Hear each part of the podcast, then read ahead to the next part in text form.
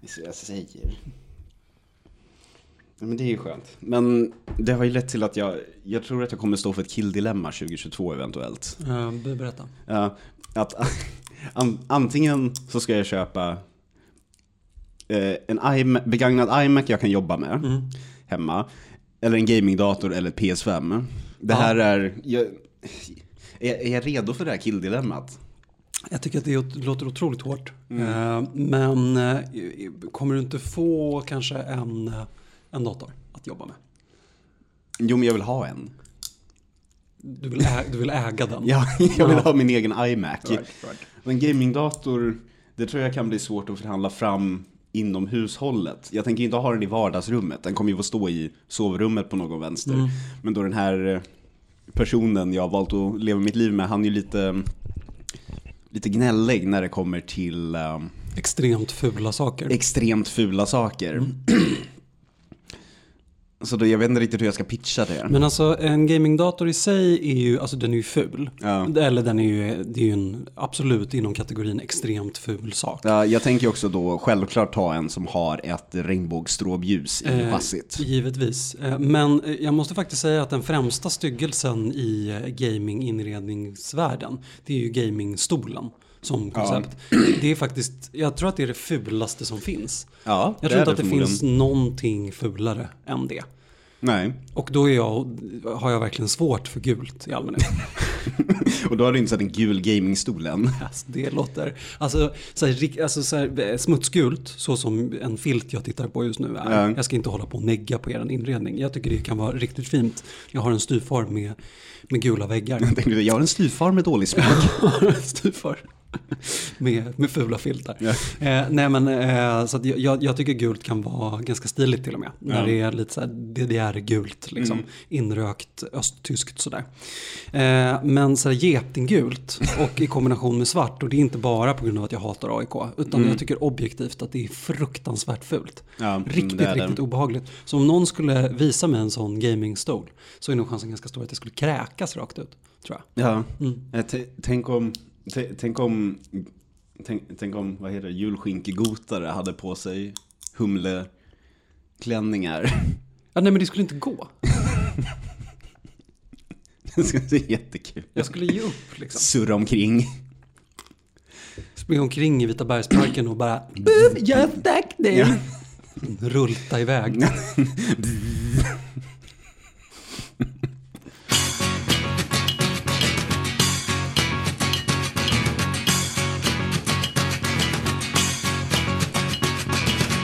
Hej och välkomna till Killgruppen. Hej! Hej, det är avsnitt 34. Eller 33, för nu har vi två liggande, så det beror på hur jag släpper det. Ja, just det. Men eh, jag heter Johan och med mig har jag Rasmus. Tjena. Eh, Hur är läget med dig? Nej men det är helt okej skulle jag säga. Ja, min dagsform är, är ganska bra.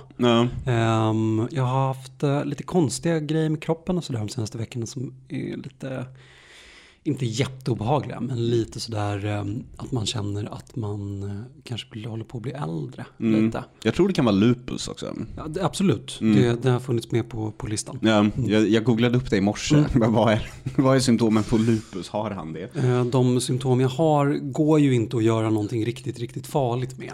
Ehm, Så det, det är ju ganska skönt. Ja. Men det är också lite jobbigt för att då känns det lite som att det bara är eh, helt kontinuerligt. Att det är helt rimligt att nu börjar kroppen fungera så här. Liksom. Ja. Eh, Jag kommer att kissa mer och jag kommer att bli snurrig. Jaha, du kissar mer också? Då förstår jag, då förstår jag Diabetes. ja, Mm. det, exakt det har jag tänkt ungefär 3000 gånger. Nu har jag kissat en gång för mycket idag. Nej men och grejen är, jag tror- att ehm, kortfattat så har ju problemet varit att jag är en sån jävla analjävel. Så att jag har ju kissat alldeles för lite hela mitt liv. För att jag går omkring, går omkring och håller inne med allting liksom. Ehm, För i helvete. Vet du vad Sigmund säger om det här? jag vet precis vad Sigmund säger om det. Ja. Eh, men eh, så att jag, jag tror mer att det är det som är problemet. Men, men lik förbannat den här okontrollen över sin kropp. Ja. Eller eh, känslan av att, eh, av att det är på väg åt fel håll. Liksom. Eh, det är, ja. Det är inte lika sexigt charmigt heller som eh, gråa hår. Nej, Eller skäggväxt eller... eh, men jag, jag fick ju mitt första ryggskott när jag var 18, så, Ja. jag, så jag har tänkt på det så här sedan dess. Mm. Jag är omgiven av ryggskott just nu också. Mm. Eh, Min tjej har det, min mamma har det. Eh, Jag ser inte fram emot det. Nej. Nej. ha katten där. Eh, alltså katten har ju, eh, jag vet inte, alltså jag tror att den medicinska termen är lite CP. Eh, eh, han har en, eh, en knix på, på svansen som gör att hans balanssinne är helt, helt bananas. Ja, det är som när man sätter, sätter någonting runt magen på dem och de bara ramlar. Ja men ungefär så. Vi försökte ju sätta en body på honom när vi kastrerade honom. By the way så är ju anledningen till att vi kastrerade honom att han är lite CP. För att hans lite CP skulle kunna sprida sig till kattungarna som hade blivit väldigt CP. Så att... Eh, så att vi blev tvungna att- att sterilisera honom. Annars Mm. tror jag han hade, han känns jävligt kåt. Eh, men eh, så att hans, hans balansinne är helt bananas. Så att när vi satte en body på honom Mm. när, han, när han hade kastrerats för att han eh, lyckades få av sig sin jävla tratt hela tiden. Ja. Och ville his balls. Eh, då var det som att han dog inombords bara. Eh, han kunde inte stå upp när han hade den på sig. Precis men typ en happy hardcore variant och bara tumla bakåt liksom. Ja. Det måste finnas va? Det lät ganska Ah, bra. Ja. Säk- finns säkert. Eh, nej men så, så är det med mig. Hur är det med dig? Det är faktiskt eh, bra, som sagt. Jag är på väg att bli eh, kulturman, förmodligen snart, ser det ut som. På ett eller annat sätt. Och eh, saker ser ut att ordna sig. Mm. Jag är helt fascinerad över att det har gått så bra med det. Ja. Jag har alltid, Det tog en och en halv vecka av att vara, låtsas vara inte deprimerad. jag, ehm, Vad jag, kan jag göra på ett år? Jag ska vara helt ärlig. Jag trodde ju att vägen, i, i, alltså vägen till ditt bättre mående och sådär var väldigt kopplat till arbetet. Men att det var en väldigt, väldigt lång process som skulle inledas med att du tog ett riktigt dåligt entry level, alltså kissa i glasflaskor på jobbet, jobb typ. Ja, ett Amazon. Ja men ungefär. Alltså Amazon eller Uber Eats eller som vår kära poddkollega Christian som inte är med oss eh, längre. Eh, Han är inte död. Han är inte död. Han uppdaterade Insta häromdagen. Eh, vad heter det som ju laddade, eh, var det Bolt-cyklar? Nej, elsparkcyklar. Ja, man har inte Bolt elsparkcyklar. Jag för mig att det var något av de lite mindre flashiga märkena också. Ja, det var det där märket på Z. Right. Jag har aldrig ställt mig på en, en sparkcykel. Det är inte jag heller. Jag försökar att inte aktivt utmana ödet. Eh, jag, känner, jag börjar känna mig lite töntig som inte har gjort det. För det verkar ju ganska praktiskt faktiskt. Det är Ja. lite, lite gubbsyndrom faktiskt. Eh, här ute så finns de ju inte. Så folk eh, åker omkring på egenköpta. Är det så? Ja, Det är ganska många som tar med sig sådana till ungdomsmottagningen också och parkerar dem i receptionen. ja. Säger, är det okej att jag ställer den här här? Ja, säger jag nej. Nej, hur är det nu? De ska crack down på att folk bara slänger sådana överallt. Ja, men det är väl bra. Är ju, jag bor ju för långt bort för att de ska kunna komma upp. De hittar dem liksom inte. Mm. Ehm, vilket gör att de bara, det är som en, som en sparkcykelkyrkogård uppe hos mig. På min kulle. Kan, du inte, kan du inte hitta någon sån här dator och typ nollställa dem och börja sälja dem? Borde jag verkligen göra. Ja, det finns säkert något sätt att göra det ta på. över vårat cykelrum. Min pappa hade en sån business på 70-talet. De snodde gamla cyklar och, som folk hade slängt. Och Har din pappa varit en cykeltjuv? min pappa, jag tror också att han eh, odlade industrihampa i Vasaparken. Ja, det, det har jag inte så mycket emot, men eftersom jag kommer från staden med mest cykelstölder Mm. i hela Sverige så eh, I'm, gonna do a hate crime Mm, nu, bara på ren instinkt. Um, nej men lik förbannat, ehm, jag, jag har alltid tänkt att, att, att vägen till ditt bättre mående skulle vara kopplat till arbetet. Mm. Ehm, och bara så här, idén om att man ska få ett jobb inom sin, inom sin egen koncern, Mm. inom sitt eget fack, Mm. eh, känns helt orimligt. Ja, fast eh, jag först var jag i kontakt med, eh, vad heter det, Arbetsförmedlingen. Och då hamnade jag inom någon sån här kultur, media och designavdelning Mm. som de tydligen har. Och jag får ju bara eh, så kommunikation och mediajobb från dem. Mm. Eh, och kundservice då som jag antar gills som kommunikation. Fair enough. Ja, så jag hade ju inte tänkt ta något sånt där sälj, sälj din själ. Skulle ett jobb? Nej. Nej, för jag tror inte att jag hade behövt det för att de verkar ändå vara rätt fo- fokuserade på att man ska kunna jobba inom sitt skrå. Mm. Eh, men, men på on that note så tänker jag att idén om att man skulle få ett jobb via Arbetsförmedlingen, jag känner nog ingen som har fått det på ganska länge. Alltså. Nej, men det är väl också kanske lite den här sossiga framingen när man säger via Arbetsförmedlingen. De gör inte ett piss för att man ska få någonting. Nej. Det är, det är man själv som skickar iväg saker. Mm. De är ju merely en lista samt också någon, något form av hinder. Eller inte hinder, men ska, vad ska man säga? En, någonting man måste hoppa över och Mm. förhålla sig till hela tiden. För de har ju kontakt med a-kassan och så. Den väntar jag också på. Mm. Har du jobbat tillräckligt mycket för att få? Nej, men de har ju någon sån här grundtjofräs tror jag. Nej men just det, de har ju ändrat det nu också i och med corona. Mhm. Om jag inte minns fel. Är det för alla de här fräscha 18-åringarna som kommer ut eller? Jag tror det. Och Eh, nej. Och nej.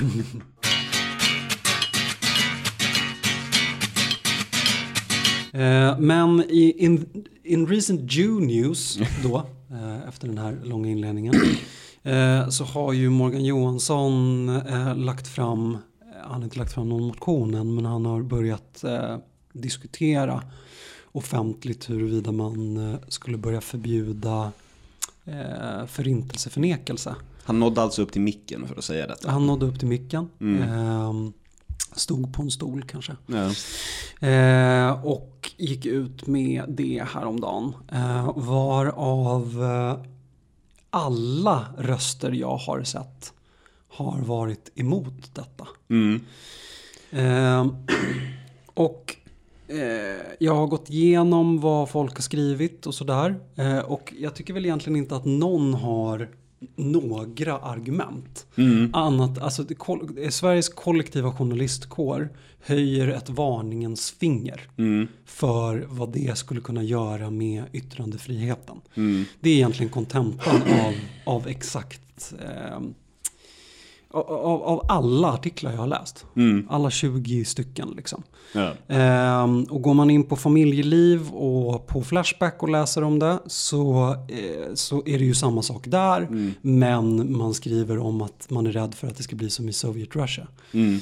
Ehm, så att svaret är ju alltså att det kanske inte finns några argument mot det egentligen. Nej. Alltså själva kriminaliserandet av det. Eh, hela idén är ju att man ska göra det under alltså de juridiska regler som, som innefattar hets mot folkgrupp. Mm. Eh, och anledningen till det är ju på grund av att det är så jävla lätt att tjafsa sig ur hets mot folkgrupp. Ja. Eh, till exempel när Nordiska motståndsrörelsen eh, hade en demonstration för några år sedan så eh, gick ju de omkring med plakat med kända judars namn Mm. eh, där det stod typ förbrytare Mm. och överkryssat. Och, Var det samma demonstration där de hade väldigt många sådana med Alexandra Pascalidou? eh, det var det säkert. Ja. Eh, det låter som deras. Jag minns bara att jag blev irriterad för att det var grönvitt, att det såg ut som en Hammarby. Ja. Usch. Eh, Men det som hände då var att på grund av att det var tryckta grejer så räknades det som, en tryckfrihet, som ett tryckfrihetsbrott. Eh, och en av argumenten för det här då är ju att, eh, att, att man... Eh, ja men att det ska, det ska bli lätt lättare för jurister att, att driva ett, ett case liksom. På Mm. något sätt. Eh, Att skapa tydligare juridiska regler. Ja men just för det liksom så. Och, och det- andra argumentet mot allting. Mm. eh, Det är också, okej vad ska vi göra med alla andra förintelser? Mm. Alla armeniska folkmord. Mm. Eh, alltså, hur ska, vi, hur ska vi förhålla oss juridiskt till, till massmordet som, eh, som handling liksom? Mm. Ehm, men jag, jag fattar inte riktigt. Jag, kan du förklara för mig vad, vad problemet är? Och framförallt, kan du förklara för mig problemet med att alla är så jävla stuck up med den så kallade yttrandefriheten? Jag tror faktiskt jag kan det. Ja. Jag säger inte att det kommer bli lätt att Nej. förklara.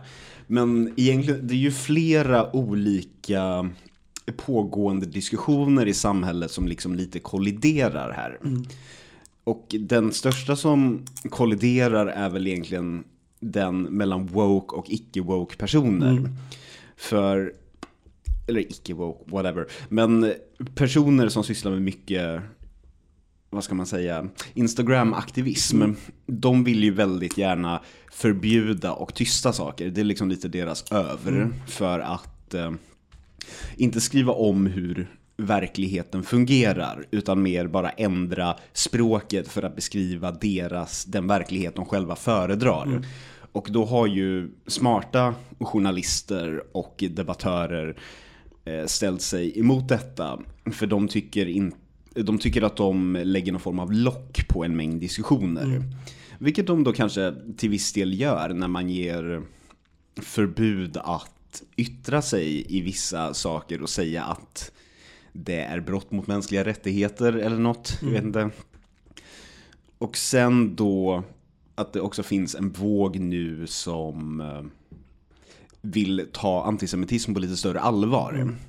Den är dock väldigt mycket mindre än woke versus anti-woke, men den finns ju där på något vis. Man märker ju i, i hur den diskussionen, eh, hur den fortlöper just nu, Mm. så märker man ju att den kommer ju aldrig landa i någonstans eh, en... Eh, den, den kommer landa i öst mot väst också. Ja, För det enda som den diskussionen hittills handlar om, och jag vet inte, den kanske är i sin vagga så jag ska inte döma ut den helt, men eh, den, den handlar ju bara om varför alla var tysta när antisemitismen kom från, eh, eh, från muslimerna. ja, Eh, och det känns inte som att den diskussionen kommer landa någon annanstans egentligen. nej, Om man inte gör så här. ja. Nej, men sen också min nollstatslösning vill ju ingen heller lyssna på. Nej, nej. Så liksom, Nej men alltså, för, för jag, det, det jag tycker, för jag märker ju också att det är en, en woke mot owoke eh, historia. Men jag tycker mig se också att det har liksom börjat ehm, drivas upp en, en tredje falang. mm, Ehm, som ju på något sätt försöker att befinna sig utanför det här. Jag, jag tror att den kommer med inspiration från, från USA och från metoo-rörelsen. Alltså där ju juridiken eh, Alltså, det, det känns som att juridiken släpar efter så mycket att det inte riktigt är särskilt intressant. Och att den woka falangen som du pratar om, de som försöker ändra språkbruket och de som eh, enligt vissa då sätter locket på. De är så beroende av att juridiken ska fungera. Eh, men att det har vuxit upp nu en woke falang som skiter i juridiken. Alltså, där ju, alltså där hämnden blir ganska central. ja, Eh, där man, liksom, jag, jag pratade med min eh, styvmamma till exempel om det häromdagen. Om, eh, som hade sett Ronan Farrow eh, om, om sig själv. Eh, och som egentligen inte tycker att det är något problem att det är så. På grund av att alternativet är så mycket värre. Att alternativet är att Woody Allen bara får vara. För att han bara är lite snuskig. ja, Och att det inte är så problematiskt. Liksom. Mm. Eh, och att juridiken bara blir någonting, alltså det blir bara en bromskloss. Mm. Det blir som Arbetsförmedlingen. Ja. Dit argumentationen på något sätt kommer för att Woody dö. Liksom. Allen är som arbetsförmedlare. Så att jag, jag antar liksom att det är så här, jag menar jag, jag, kan för lite om, jag kan för lite om juridiken för att uttala mig egentligen om vad som är bra och dåligt med att försöka kriminalisera förintelseförnekelse. Eh, men jag tänker att jag måste så hänge mig ändå till den judiska historieberättelsen. Eh, och den judiska historieberättelsen utgår ju väldigt mycket från att, eh, ja men till exempel är ju visual aids är ju big no-no. Vi ska inte hålla på och titta på på olika filmer från, från förintelsen. Utan vi ska göra som i Shoah. Vi ska åka och trakassera folk som, som var med. Och bara skrika på dem. Liksom. Göra en nio timmar lång Och film bara om säga, det. vad hände här? Vad hände här då? Vad hände sen då? Ja, sitter du och klipper dig? Ja, men du, judar. Precis, det är ingen jude som klipper dig. Nej, brukade det vara det? Var det i Shlomo? Var det Shlomo som klippte dig? Ehm, och, och att det förmodligen, någonstans där så finns väl kanske, eh, vad heter det, eh, räddningen liksom. Men jag vet inte. Men fram tills dess så önskar jag att man kunde, alltså, jag, jag, jag, jag är inte särskilt rädd för yttrandefriheten i Nej. min, i min tes. Jag är inte särskilt orolig för att, alltså det är lite som när vi har diskuterat tidigare, att så här, aborträtten, att det kanske inte riktigt, alltså att hotet hotet inte så stort som rädslan över att diskussionen ska börja tas. Liksom. Ja. Att vi kanske är två steg bakom det. Och att den här diskussionen om yttrandefriheten tror jag är lite samma icke-fråga. Alltså jag, tror, jag tror inte att yttrandefriheten i demok demokratin kungariket Sverige är ett särskilt stort problem. Nej. Och jag tror att det är kontentan av den här pratan. Ja. Eh, och jag tror kanske att vi måste börja problematisera antisemitismen på ett annat sätt. Än att bara stanna till på Arbetsförmedlingen. Jag menar juridiken. Ja. Ja, men det är också... Det, det är ju, folk har ju väldigt svårt i det här landet att diskutera antisemitism. För jag har ju pratat om det tidigare, att de två saker som svenskar är jätteemot är antisemitism och homofobi mot bögar. Men det är också de två saker som de är allra sämst på att faktiskt ta ställning emot. Mm, verkligen. Ehm, mycket på grund av att det känns som att vi har vänt blad va? Ja, Att vi är så här, nej men nu är det okej. ja. Ehm, Nej men snart borde ju bögar få göra alia också, bara Mm. för ren, på ren solidarisk basis. Men jag tycker också att det verkar lite som att, ehm, eh, som att vårat, eh, alltså våran vilja att gå det till mötes när det väl kommer, att det är lite av en bromskloss. Att så här, om man, och jag ber hemskt mycket om ursäkt för den här liknelsen, det är bara, Go on! det är bara en liknelse för, för att diskutera ett, ett narrativ om hur man, hur man eh, diskuterar historiska övergrepp. Liksom. Men med svarta situation i USA så finns det ju inte bara Alltså det, blir ett sånt jävla motstånd när man ska prata om saker efter medborgarrättsrörelsen. Att det känns som att där finns det så otroligt många personer som säger men ni har det bra nog. Och att det blir en faktisk clash där. Inte bara någon form av liksom byråkratiskt eh, kl- huvudklapp. För det är där jag känner att det är nu. Alltså jag känner ett byråkratiskt huvudklapp så fort som man pratar om bögar eller judars rättigheter. Att för att de kan ju inte inte ta det på allvar. Så då säger de bara ja, ja, nej men det är klart. Ja, det är klart att ni ska få hjälp. Och sen så bara dör det i det. Ja, Ehm, och att jag ser fram emot, alltså det, det kanske är det som är bra med Morgan Johanssons förslag. För att det blir en konkret diskussion.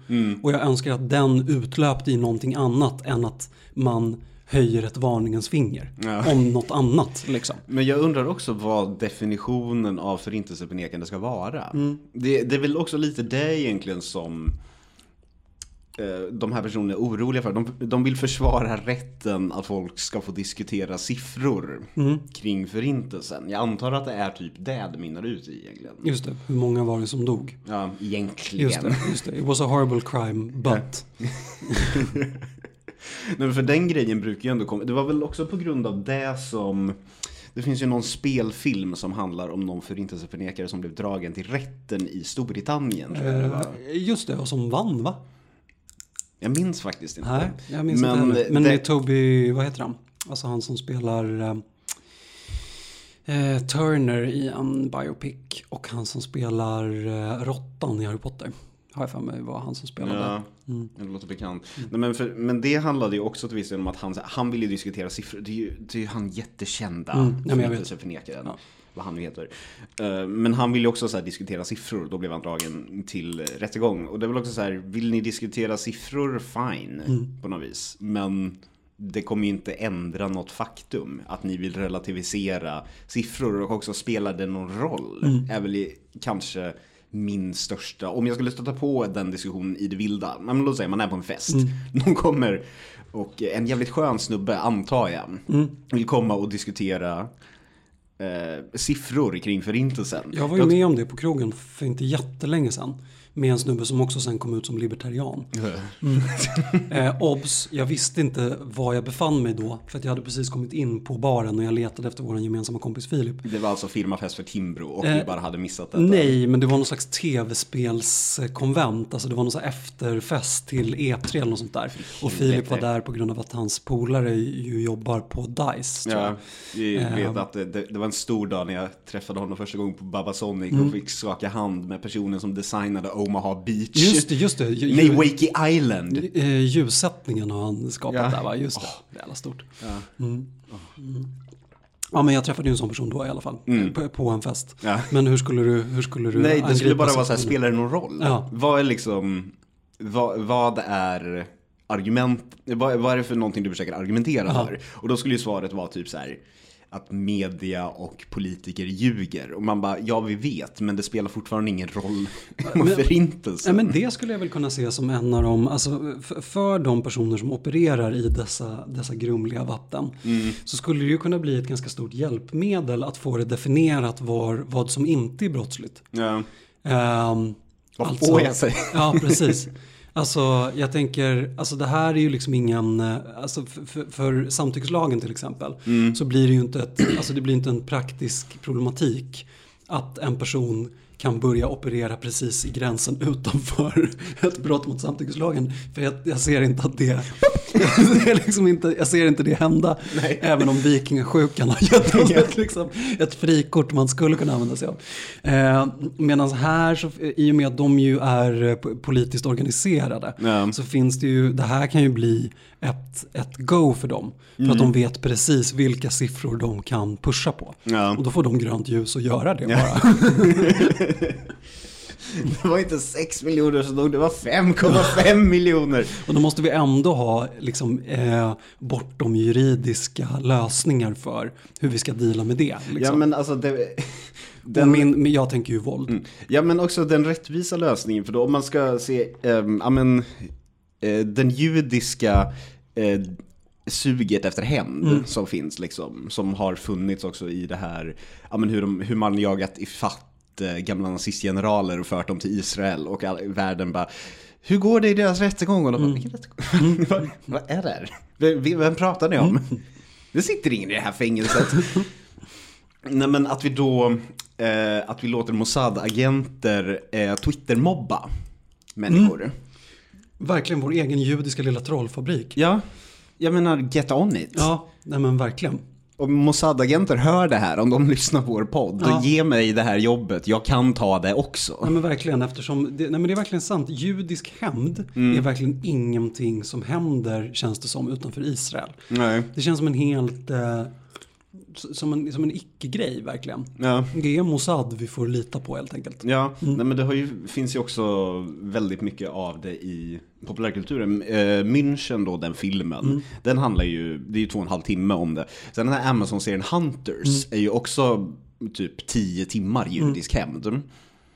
Och det är ett bra koncept. Det blir bra tv, några år efter att det har hänt. Så om vi har judisk, eh, Mossad-trollfabriker så tror jag att det kan bli en jävligt bra film om ett par år. Precis, lösningen var alltså judisk hämnd. Producerad av Weinsteinbröderna.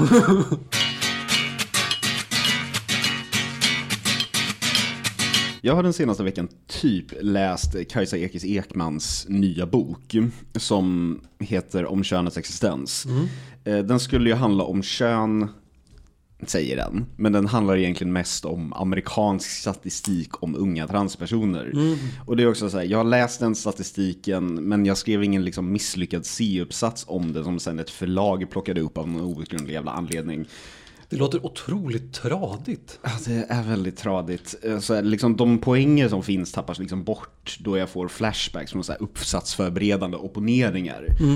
Och folk har ju varit vansinniga på den här boken och läst utdrag och gjort eh, minst lika kvalitativa bildkaruseller på Instagram om det. Men jag tänker inte recensera den här boken eh, och jag kommer från ämnet. För jag har också den senaste veckan sett In My Head. Dokumentären om Young Lean som nu finns uppe på SVT Play. Jag vet inte hur länge den legat där eller ska ligga där. Och jag vet inte heller hur mycket våra lyssnare vet eller bryr sig om Young Lean. Men det skiter jag nog i. För the basics är att det var en unge från söder som började rappa med sina sad boys.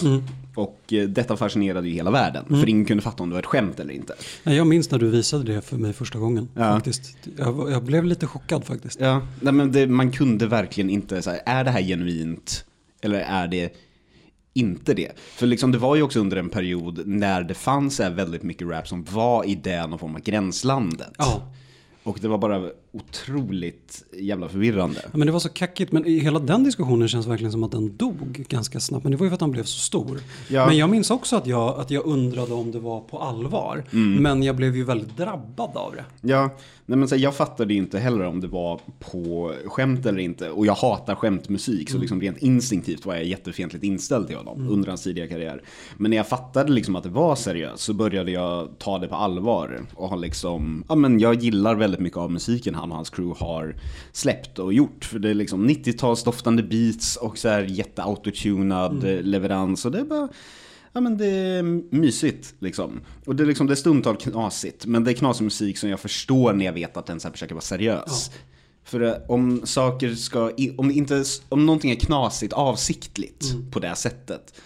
För att det ska vara knasigt, då kan inte jag ta det på allvar. Nej, nej men det, det, blir ju, eh, det blir ju sökt då. Ja, Det blir ju inte särskilt intressant. nej. Nej. Eh, Men i alla fall, dokumentären då, In My Head, den handlar ju väldigt mycket om en tidig USA-turné.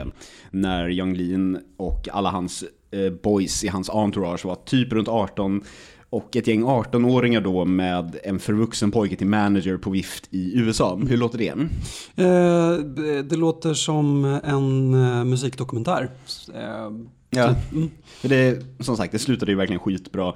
För turnén slutade då med att deras managementbolag i USA gav dem en lägenhet i Miami för att eh, de skulle kunna slutföra en platta. Men det som hände var att alla knarkade skitmycket, Lean fick någon form av knarkinducerad manisk episod och deras manager slash handler körde ihjäl sig. Det blev alltså en extrem jävla röra. Eh, Och alla kunde till slut då ta sig hem och eh, Jonathan Lean Leander, Leander? Leander va? Ja, eh, flyttade tillbaka till sina föräldrar och liksom hamnade i kontakt med psykiatrin och det visade sig att han är bipolär och då är det jättedåligt att dricka hostmedicin och ta Xanax. Ja. Inte för att vara bra annars, men då är det jättedåligt.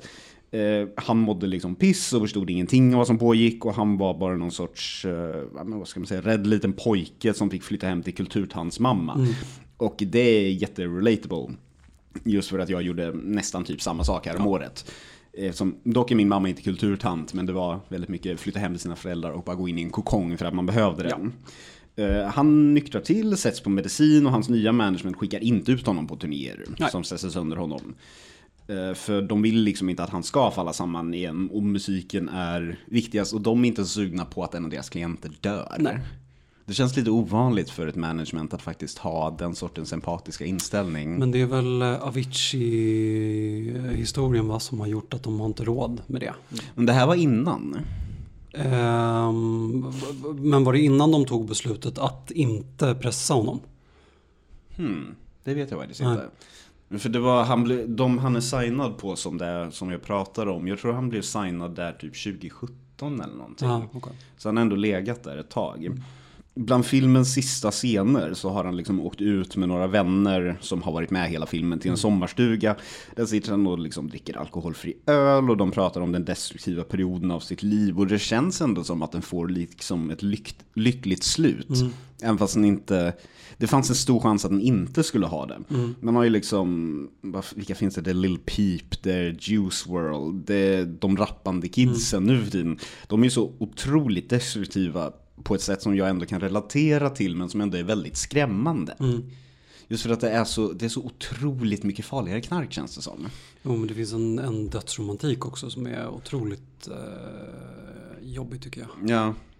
Eh, som, jag tycker är, som jag tycker är läskig. Mm. Eh, där jag får lite 90-tals mamma kolla på Marilyn Manson-ångest. Liksom. ja men jag förstår liksom den känslan ändå. Jag förstår känslan av att titta på det och bli rädd men jag förstår också känslan av att uttrycka sig på det sättet och leva på det sättet. Det är ju verkligen så här live fast, die young. Men, sam- Nej men alltså destruktiviteten har jag egentligen inget svårt med utan det är just själva dödslängtan som jag tycker är så jobbig.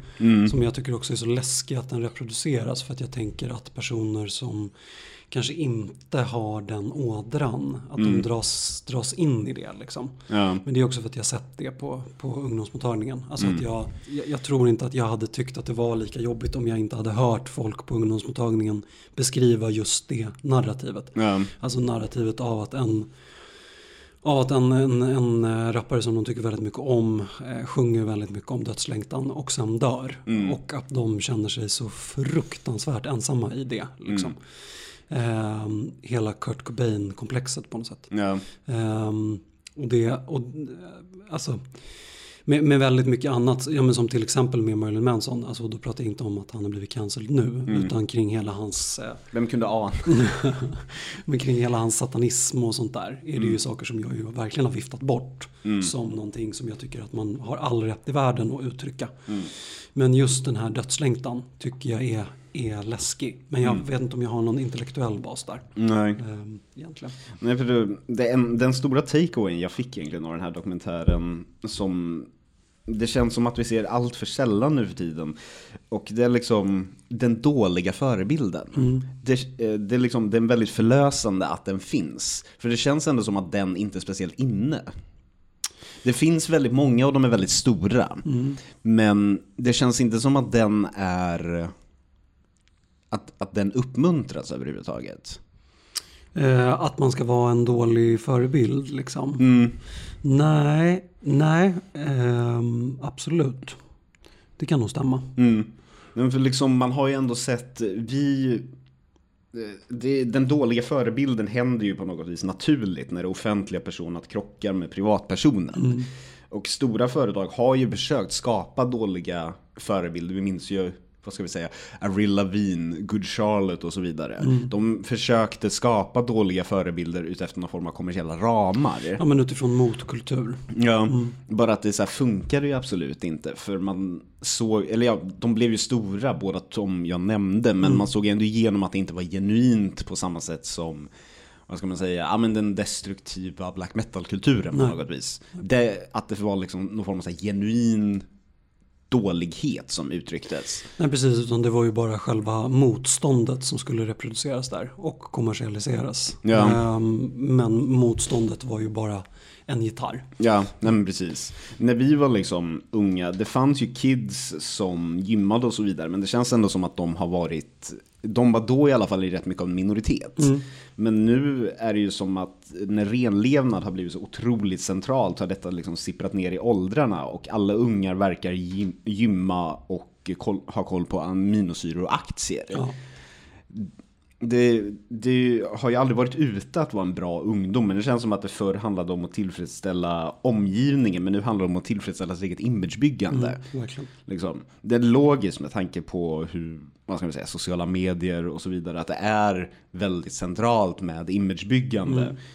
Eh, Men i en värld där liksom gymgrossisten sponsrar Framgångspodden och där liksom Alexander Pärleros ens får fortsätta existera så är det sjukt skönt med fuck-ups som typ Young Lean. Och det gör mig, det gör mig väldigt hoppfull av att se någon bara fucka totalt på det sättet. Nej, men jag förstår verkligen vad det är du menar. Samtidigt som jag också undrar om inte hela, alltså, mm, det blir en lång tanke, men att, eh, att, att stigmat mot psykisk ohälsa på något sätt har också lett till att, eh, att lösningen och förbättringen, att det aldrig har fått synas. Eh, och det gör att hela den här renlevnadskulturen, alltså för mig blir det ett, ännu mer av ett stigma. För att det ska vara så jävla jävla bra hela tiden allting. Ja. Och att man ska liksom ha de förutsättningarna och sånt där. Och man ska inte dricka alkohol och man ska inte knarka och man ska inte bla bla bla bla bla. Men att om stigmat lyfts så behöver man inte hålla på så för att man kan få se som i Young Leans eh, berättelse då. Alltså även vägen ut. Eh, det tycker jag är väldigt, väldigt skönt. Ja.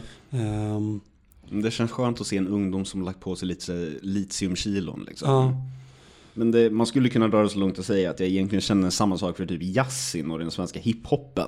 Fast de är nog ändå lite tyngre division dåliga förebilder eftersom de inte bara knarkar. jag tänker det också va. Ja. Det, här är någonting annat. Ja. Ehm, där handlar det ju mer om någon slags, eh, alltså jag menar man kan ju diskutera klass där. Ja, Eh, om man skulle vilja ge det, göra det lite enklare och tycka om dem. Ja. Eh, men eh, Eh, men för mig har jag lite samma problem som med nazisterna där.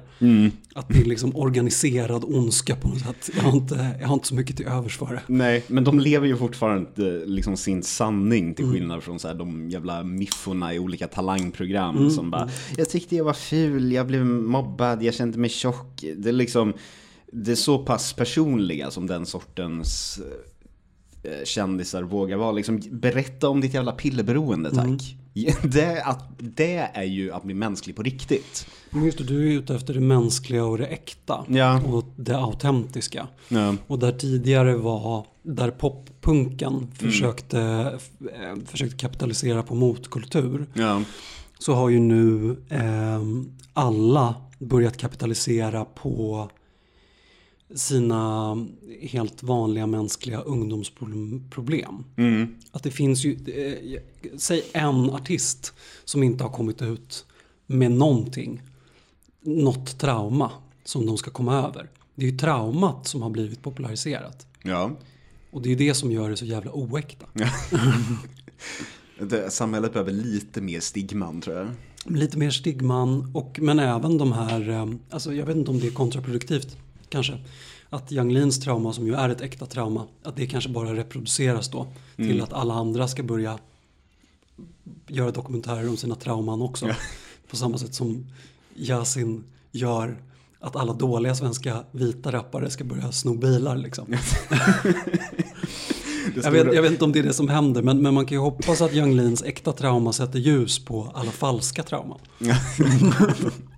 Han, rad, han har radikaliserat den vita arbetarklassungdomen. Ett problem ingen vill prata om vakna Sverige.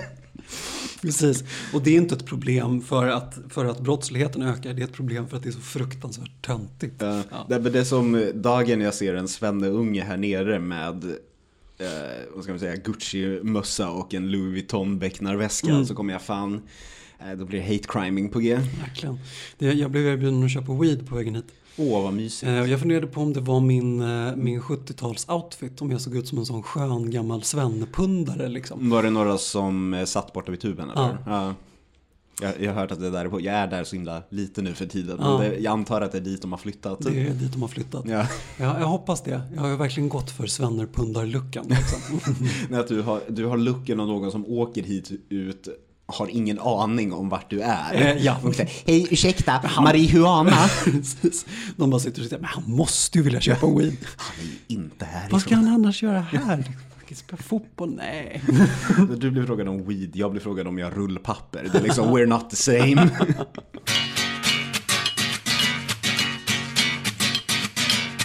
ja, det var allt för idag då. Vi eh, kanske ska öka frekvensen lite. Jag tycker vi borde öka frekvensen Ja. lite. Men eh, kan vi gå så långt som att vi lovar ett till avsnitt nästa vecka? Ja, det här kommer ju komma ut nästa vecka eftersom det är söndag idag. Ja, men veckan efter då? Ja. Okej, Ja. bra. Det kanske till och med blir två avsnitt den kommande veckan om jag får fingret ur röv, arsle, arslet ur vagnen. Fingret ur rövarslet. Ja. Ja, om jag får ur det här jävla fingret ur röven. Eh, men följ oss på Instagram, att podd, podd, podd. Och ge oss en recension vart du än lyssnar. Tja! Hej!